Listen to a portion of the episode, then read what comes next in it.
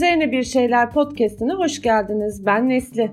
Ve ben Fulden bu bölümde ünlü moda dergisi Vogue'un ilk kez kapağında bir erkeğe yer vermesiyle erkek modasının queerleşmesi üzerine çıkan tartışmalar üzerine bir şeyler söyleyeceğiz.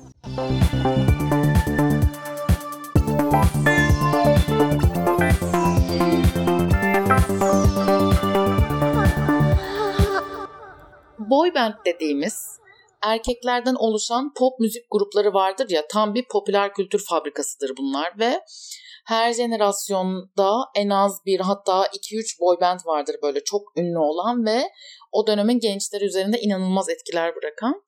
Sanırım şu anda dünyada en ünlü boy band Güney Koreli BTS. Baya kalabalık bir grup. Arada e, hiçbir şeyden geri kalmayayım Allah korusun e, sendromumdan ötürü açıp bakıyorum isimlerini ezberleyeyim diyorum.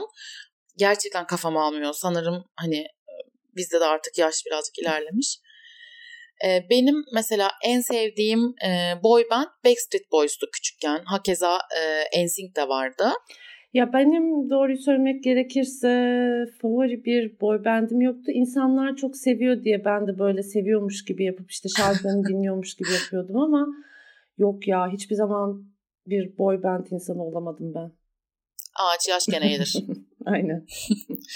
Bu arada ben biraz önce resmen yalan söyledim. Benim en sevdiğim grup e, birkaç iyi adamdı. e, hatta şöyle bir şarkıları vardı. Birkaç iyi adam gidiyorduk kızlara. Birkaç iyi adam dının uçacaktık yıldızlara diye. Ya şu sözlerdeki derin anlama, şu incelikli söz sanatına bakar mısınız lütfen? Muazzam gerçekten. Bak tüylerim diken diken oldu. Wow. Aytunç Bey, Faruk Kahve ekibi size helal olsun ya. Bu ne zamansız sözler. Bu ne her an açıp dinlense anlamını kaybetmeyecek bir eser ya. Bir de Türkiye'de Tarkan'dan sonra dans etmekten utanmayan ilk erkeklerdi bunlar. Çıtır, çıtır kızlarla birlikte dönemin önemli pop ikonlarıydı. 90'lar popunun sac ayaklarından Yonca Evcim'i kurmuştu e, Aynen. dansçı erkek grubunu. Ee, oranın en, en ünlüsü sonra Faruk K oldu. Bir de Aytunç vardı sanırım. O da dans yarışmalarında jüri oldu. Zaten kendisinde bir dans stüdyosu vardı.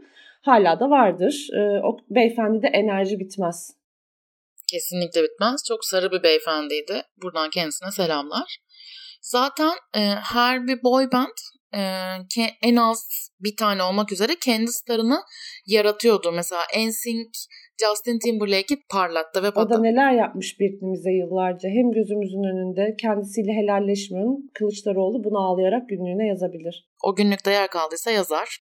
Neyse e, Faruk K gibi, Aytunç gibi, Kahribela Justin gibi e, star yaratan bir başka boy band de One Direction'dı. Ki onları da tanımıyorum. Yine e, sırıtan oğlanlarla dolu bir grup e, Karpuz Şekeri Kafası şarkısıyla geçen yazımızı tüketen e, Harry Styles oldu One Direction'ın en ünlüsü de. One Direction herhalde 2010'ların en bilinen gruplarından biriydi. Ee, Harry Styles'ın da şöhreti grubun şöhretini açtı. Ee, 2010'larda cidden yani her tarafta bir One Direction falan diye geziyordu evet. insanlar ve ben gene bu ne ya diyordum.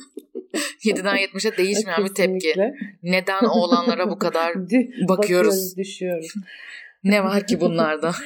Harry'nin şarkıları kadar giyim kuşamı da ünlü oldu aslında bu süreç içerisinde. Kendine has queer bir estetiği var diyebiliriz. Soft pembeler, renkler, küpeler, otrişler, etekler. Ya işte şey var ılık oğlan estetiği var kendisinde. Bu arada benim de hoşuma gidiyor bayağı o estetik. Hiç yalan söyleyemeyeceğim ve inkar edemeyeceğim. Aynen ben de seviyorum. Onda e, bir şey yok. Böyle şeker ılık ılık bir oğlan. Hoş yani. Hoş, hoş.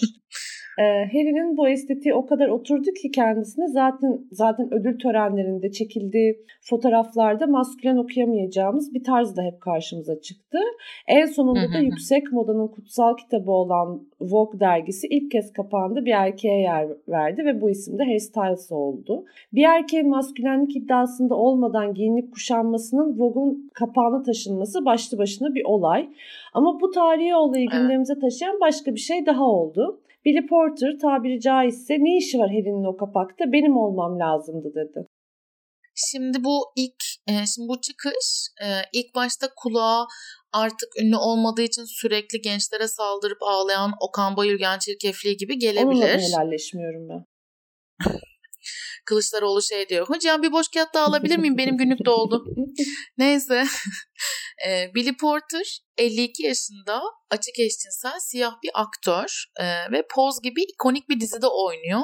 Ki zaten dizinin kendisi queerlerin, LGBT artıların 1980'lerdeki e, balo denilen etkinlikleri ni konu alıyor. Baloda böyle e, farklı temaların olduğu ve insanların o temalara göre giyip giyinip performanslar hazırladığı bir eğlence türü diyebiliriz sanırım çok evet, basitçe. Evet, e, teşekkürler hocam. e, modayı, e, müziği, gece hayatını queerleştiren bir dönemi anlatıyor dizide. Billy Porter da hem dizide inanılmaz gösterişli şeyler giyiyor işte karakteri gereği hem de e, kendisi olarak katıldığı ödül törenlerinde de gerçekten erkek modası diye bildiğimiz şeyi deyim yerindeyse e, alt üst ediyor. Hepimizin e, 2019 Oscar ödül töreninde giydiği e, siyah kadife of, elbiseyi e, unutamayız muhtemelen.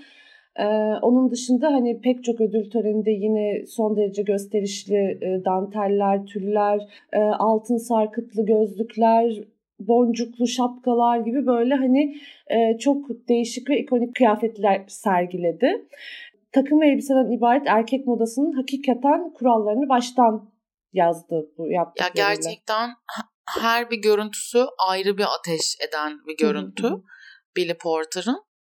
Ki zaten şey de oluşturdu. Bakalım e, şimdi kırmızı halıda ne giyecek ne giy- e, gibi evet. bir e, herkes de heyecanda oluşturuyor. Yani sadece böyle sıkıcı olmamak üzerine değil yani hem hep çok sürprizli şeyler giyiyor hem erkek modası olarak bildiğimiz şeyin çok dışında şeyler giyiyor. Bayağı herkesin böyle merakla beklediği bir isme dönüştü. İşte dolayısıyla Billy Porter gibi bir ismin böyle bir çıkış yapması da çok ilgi çekti. Bir de şöyle bir nokta var. Harry Styles yönelimine dair bir soru sorulduğunda Diyor ki ben hiçbir etiketle kendimi tanımlamıyorum. Cinsel kimliğim üzerine düşünmedim, tanımlamadım gibi açıklamalar yapıyor.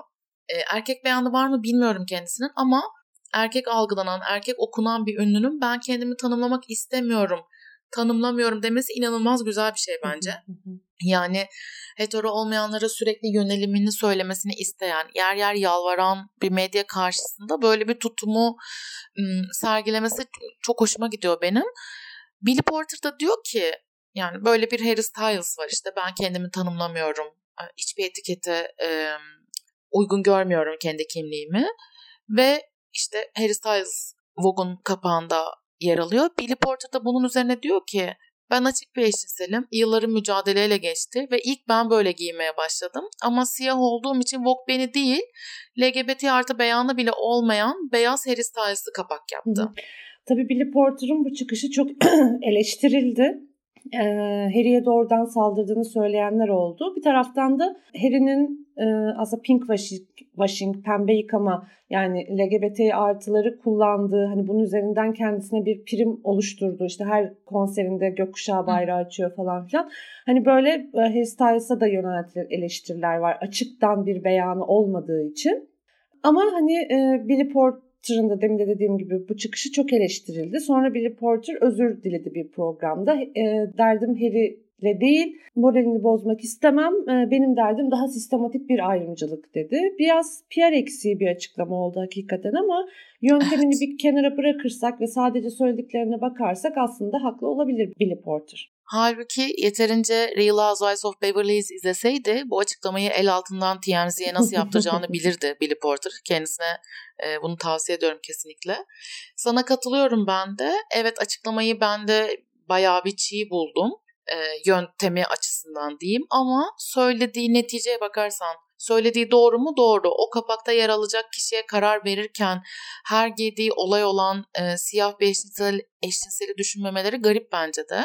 Yine de Billy Porter'ın söylediklerinde katiyen katılmadığım bir şey var. Diyor ki Harry set bir erkek ve sırf iki etek giyiyor diye koydular kapağa. Ya tam böyle demiyor da işte ben fuldence ve amiyane tabirle söylüyorum. E, Harry'nin hetero olduğuna dair bir beyanı bulunmuyor. Ben kendimi şu ya da bu şekilde tanımlamıyorum diyor.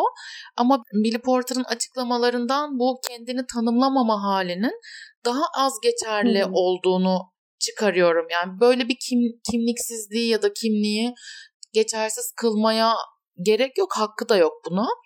Ee, günün sonunda açık eşcinsel kimliğini daha üstün görmeye yol açabilir bu gibi çıkışlar. Böyle düşünüyorum. Tabii buna e, ben de katılıyorum. Belli bir hiyerarşi oluşturmak e, gibi bir sıkıntı yaratıyor ve tehlikeli bir noktaya hı hı. da gidiyor bu. Kimsenin üzerinde şu ya da bu şekilde açılmalısın, belirli bir kimliğin olmalı gibi dayatmayı makul görmek mümkün değil. Ama bir yandan da Billy Porter'ın da isyanını topyekun değersizleştirmek istemiyorum. Yıllardır Hı-hı. mücadele verdim ben de işin arkasında. Kim bilir neler var. 52 yaşında siyah neler? eşcinsel erkekten bahsediyoruz. Geçtiğimiz yıl e, HIV pozitif olduğunu da açıklamıştı kendisi.